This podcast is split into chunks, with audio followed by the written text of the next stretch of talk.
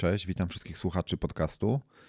Ja nazywam się Michał Lisiecki, jestem twórcą strony internetowej artofsale.com.pl i dzisiaj we współpracy z Poznań Business Partner chciałbym zaprosić Was do podcastu, kolejnego odcinka, podcastu, w którym rozmawiamy o nowoczesnych narzędziach marketingowych, a w tym odcinku porozmawiamy sobie właśnie o takim narzędziu, jakie kryje się pod bardzo tajemniczą nazwą architektura wyboru, albo po angielsku Choice Architecture.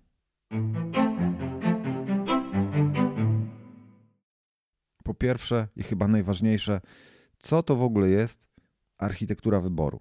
Na czym to polega i jak to się ma do działań marketingowych czy do działań biznesowych? Otóż architektura wyboru no to, to jest y, stworzenie, polega na stworzeniu pewnego rodzaju ścieżki decyzyjnej y, gdzieś tam w głowie klienta na podstawie i zaprezentowania mu iluś tam opcji do wyboru, iluś takich właśnie ścieżek, którymi może podążać. E, no i chodzi o to, żeby on wybrał jedną z tych ścieżek, mówiąc kolokwialnie, dokonał zakupu e, lub zamówił jakieś, jakąś rzecz, jakąś usługę.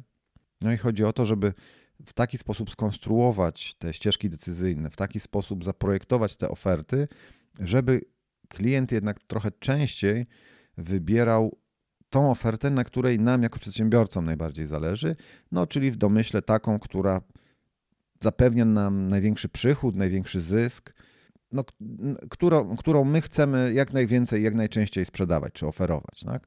Także zależy nam na tym, żeby właśnie klient wybrał jedną z tych opcji. No i teraz jak to zobrazować? Jak pokazać, czym jest architektura wyboru, z którą każdy z nas spotyka się codziennie.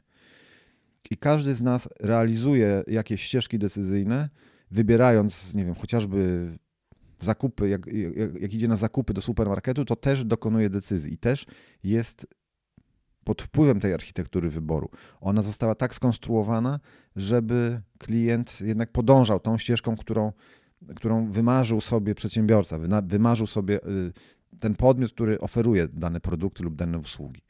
Także codziennie temu podlegamy. No i teraz jaki jest, jaki jest najprostszy przykład takiego podlegania?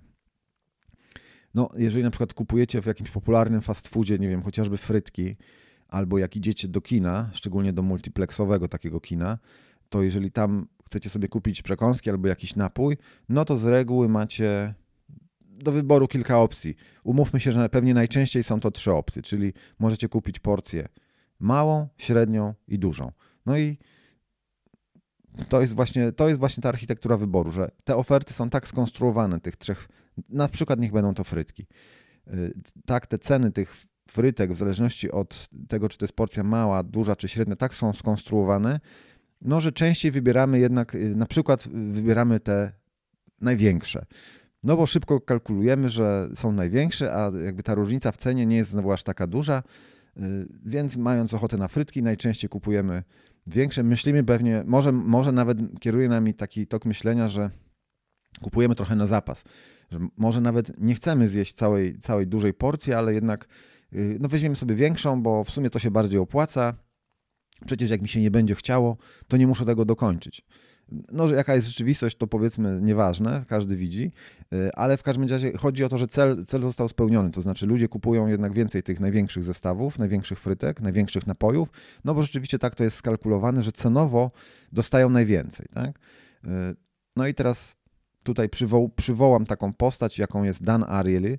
To jest taki badacz y, ludzkich zachowań, konsu zachowań konsumenckich. I on kiedyś leciał samolotem i czytał sobie w tym samolocie czasopismo ekonomiczne The Economist. No i w tym czasopiśmie była y, reklama prenumeraty tego czasopisma i było, były do wyboru trzy opcje tych prenumerat. Pierwszą opcją to była Y, prenumerata tylko i wyłącznie papierowa, czyli fizyczna gazeta z papieru, którą dostarczają ci pod wskazany adres. I to kosztowało, y, w tej chwili już tak do końca nie pamiętam, ale przyjmijmy, że 80 dolarów. Powiedzmy, że było to 80 dolarów. Y, I to była opcja pierwsza. Później była opcja druga, czyli tylko i wyłącznie e-wydanie, plik w postaci jakiegoś tam MOBI czy innego PDF-a czy EPUBa, który pobierałeś, czy przysyłali ci na maila i mogłeś sobie na telefonie, na tablecie czy na komputerze to przeczytać. E-wydanie. I to e prenumerata tego e-wydania kosztowała 125 dolarów. I była jeszcze trzecia opcja do wyboru, czyli połączenie tych dwóch pierwszych. Czyli dostawałeś na wskazany adres papierową wersję czasopisma, taką fizyczną, i jednocześnie na Twojego maila przychodziła taka wersja e, e-wydanie. Mogłeś sobie czytać jednocześnie na tablecie i jednocześnie na, w takiej fizycznej postaci gazety. I ta opcja również kosztowała 125 dolarów. No i Danariel jak wylądował, zaciekawiło go to w ogóle, uważał to za interesujące, bo chciał, interesowało go to, jak, jak, jak, którą z tych trzech opcji ludzie najczęściej będą wybierać. No i on jak wrócił z tej podróży, zapytał swoich studentów, przebadał ich pod tym kątem, no i okazało się, że oni najczęściej wybierali tą opcję najdroższą, tą trzecią, gdzie było to połączone, e-wydanie plus wydanie papierowe. I ta opcja była najczęściej wybierana. Później druga, jeżeli chodzi o atrakcyjność, była ta opcja najtańsza, czyli za 80 dolarów tylko wydanie papierowe. Natomiast okazało się, że nikt nie zgłosił się jako chętny na tą środkową opcję, czyli to tylko e-wydanie za 125 dolarów. No to Dan Ariely pomyślał, to zróbmy to jeszcze inaczej. Skoro nikt nie wybrał tej środkowej opcji, to po prostu wywalmy ją, usuńmy ją z, z możliwości wyboru i pokażmy już tylko dwie możliwości, czyli wydanie papierowe za 80 dolarów i wydanie papierowe plus e-wydanie za 125 dolarów. Zobaczymy, co teraz będą wybierać. I znowu pokazał to swoim studentom. No i okazało się, że rozkład głosów diametralnie się zmienił w tym momencie, bo większość badanych chciałaby teraz kupić tą wersję papierową, czyli tą najtańszą, a mało kto skłaniał się ku e-wydaniu, które było droższe. No i Dana Ryl doszedł do słusznych wniosków, że ta środkowa opcja, która i tak nie była wybierana, ona nie, nie chodziło o to, żeby ona była wybierana. Chodziło o to, żeby ona była takim odnośnikiem, punktem odniesienia dla klientów, gdzie oni patrzyli na, ten, na te wszystkie trzy opcje i patrzyli na tą środkową i myśleli, kurczę, no nie, 25 dolarów tylko za wydanie to za drogo, ale jak dostanę jeszcze do tego wersję papierową, to biorę. No i taki był jego cel, takie było zadanie. To właśnie była architektura wyborów, czyli architektura polegała na tym, że mieliśmy dwie opcje, które sprzedawaliśmy de facto. Tą najtańszą, papierową i najdroższą łączoną, a to środkowe miało, to było właśnie był element architektury wyboru, czyli zostało wstawione tylko po to, żeby być dla klientów punktem odniesienia. No, wyjście, założenia były takie, że y, na, na podstawie czego decydujemy, czy coś jest drogie, czy tanie. No, jeżeli mamy różne kategorie tego samego produktu, znaczy czy generalnie no, no, różne rodzaje, ale tego samego produktu, tak jak prenumerata na przykład, no to jej cenę, to czy ona jest droga czy tania, jakby sama, sama tylko kwota nie jest w stanie nam zapewnić tej informacji. Natomiast jest, nią, jest nam w stanie zapewnić tą informację, e, jeżeli obok tej ceny będą jeszcze inne ceny, prenumerat, to wtedy będziemy potrafili porównać i stwierdzić, co jest e, tanie, a co jest drogie. I rzeczywiście, wybierając tą ofertę najdroższą, teoretycznie najdroższą, ale jednak dostawaliśmy najwięcej, tak? Więc to tak jak z tymi frytkami. Co prawda płacę najwięcej, ale też dostaję najwięcej i w przeliczeniu, jak sobie przeliczycie kiedyś w popularnym fast foodzie cenę kilograma frytek, czyli przeliczcie to, co dostajecie na kilogramy, czyli złotu, ile, ile, ile złotych za kilogram frytek musielibyście zapłacić, jeżeli byście kupili na przykład opcję tą najtańszą. A ile? za kilogram frytek musielibyście zapłacić, gdybyście kupili to w tej opcji największej.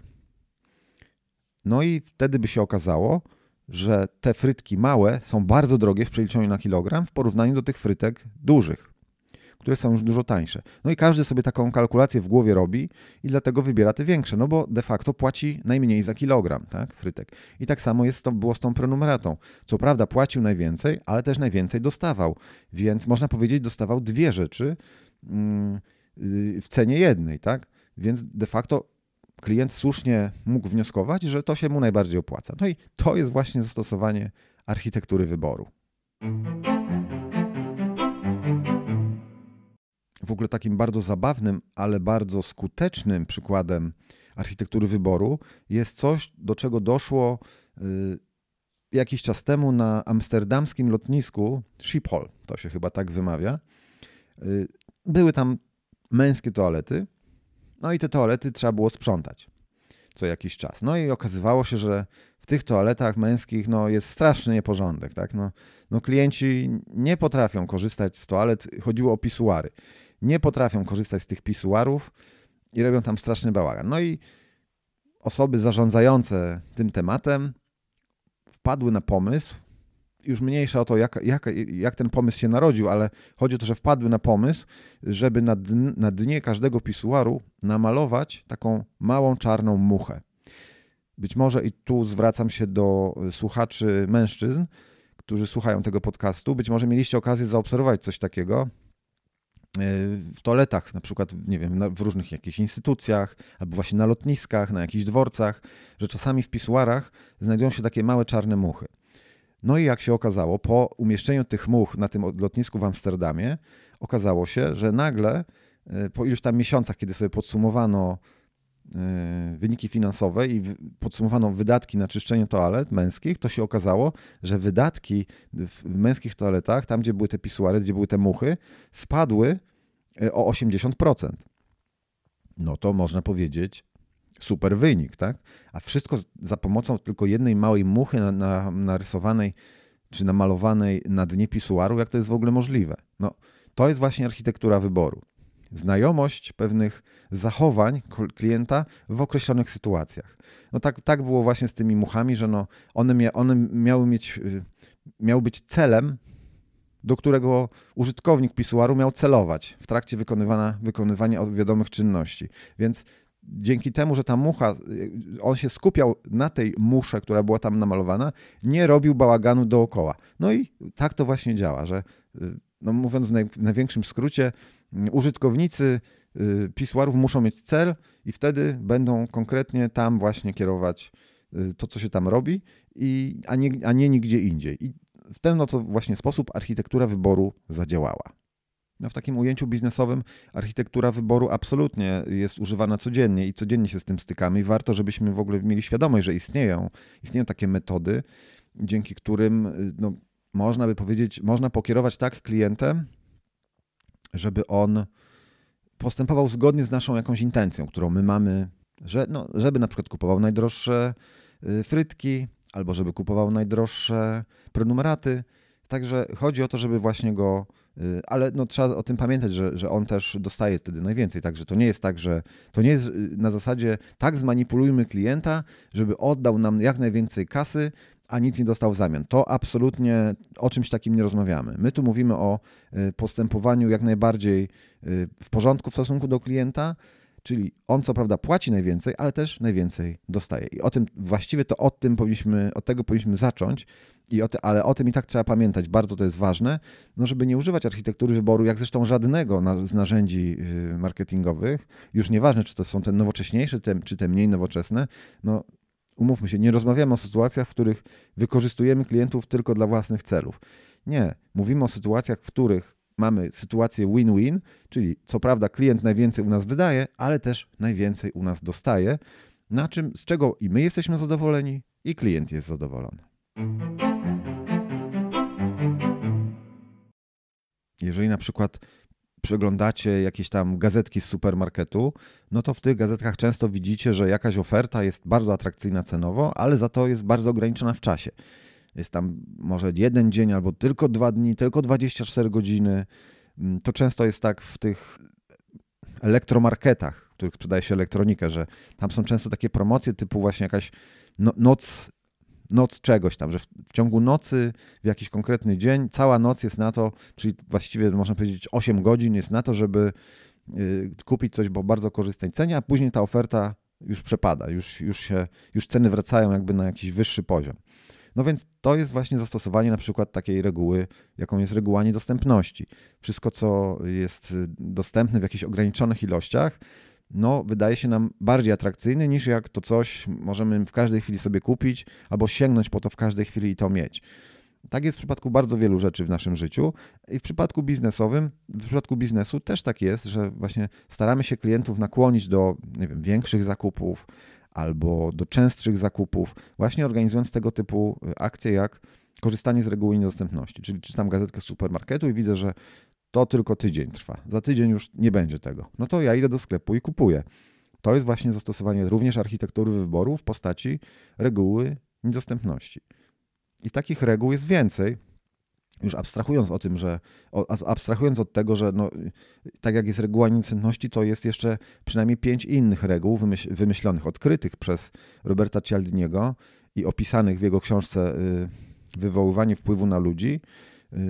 Właśnie one tam wszystkie, tam wszystkie te reguły są pokazane w ujęciu biznesowym i ich się na co dzień używa w stosunku do, no do nas jako konsumentów, ale też my stosujemy je w stosunku do naszych y, klientów czy potencjalnych klientów, jako właśnie metody architektury wyboru. Staramy się tą architekturę wyboru gdzieś tam tak ułożyć przed klientem, żeby on poszedł tym, tą ścieżką, na której nam najbardziej zależy. Jeszcze jednym fajnym przykładem zastosowania architektury wyboru jest y, zastosowanie go w tak zwanych, tu, pokazuję cudzysłów, y, instrukcjach obsługi różnych produktów, które, nam, które widzimy na reklamach w telewizji. No i dobrze to widać na przykład na przykładzie pasty do zębów. Jeżeli sobie przypomnicie jakąś reklamę pasty do zębów, którą ostatnio widzieliście, to na pewno z dużym prawdopodobieństwem była to reklama, która pokazywała, że na taką szczoteczkę nakłada się tą pastę w postaci takiego długiego, fajnie zakręconego robala, który, który no, jest złożony z tej pasty, czyli innymi słowy na całą długość włosia tej szczoteczki nakłada się pastę. Podczas gdy w instrukcji użytkowania tej pasty jest napisane na tubce albo na opakowaniu, na pudełku, jest napisane, że ilość, która jest potrzebna do umycia zębów, to jest ilość y, wielkości ziarnka grochu, tak? Natomiast w reklamie nam się pokazuje, że powinniśmy nakładać tego dużo więcej. A ponieważ znacznie dużo więcej osób ogląda reklamy niż czyta instrukcje, no to ci, co widzieli to na reklamie, no robią tak samo w domach. No i efekt jest taki, że pasta zużywa się dużo szybciej, no więc producent pasty do zębów bardzo się z tego cieszy. I to też jest zastosowanie właśnie y, architektury wyboru. Y, że no, klient może przeczytać instrukcję i dowiedzieć się tego, jak, tam, jak tą pastę nakładać, ale pokazuje się w reklamie, więc można powiedzieć, jest to takie dużo wygodniejsze w przyswojeniu, y, no bo i tak siedzę przed telewizorem, i, przed telewizorem i oglądam, więc później robię tak samo w domu. No więc jest to architektura wyboru, właśnie pokazywanie mi czegoś, żebym ja już nie musiał czytać instrukcji, tylko już wiedział to, jak to robić z reklamy. A że to przy okazji zużywa więcej produktu niż, niż potrzeba, producent się na pewno z tego cieszy. W ogóle tak zaczęła się wielka, wielki sukces sprzedażowy takich tabletek na ból głowy Alka-Seltzer, gdzie tam też y, osoba, która wymyślała, wymyśliła, jakby została zatrudniona od strony marketingowej, żeby zwiększyć sprzedaż, no to ona właśnie tak dokładnie to zrobiła. To znaczy powiedziała im najpierw, że w ich reklamach widzi, że y, wrzuca się jedną tabletkę. Alka-Seltzer to w ogóle tabletki takie na ból głowy, nazwijmy to. Jak się jest po imprezie, dzień po, no to pije się to, wrzuca się to do wody, oto się tak, tak bąbelki się robią, tak się to rozpuszcza w wodzie i wypija się ten napój.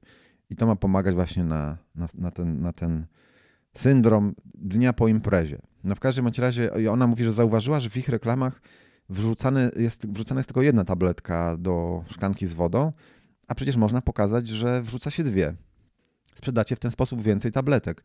I rzeczywiście tak się stało. No, sprzedaż z miejsca skoczyła, można powiedzieć, o 100%.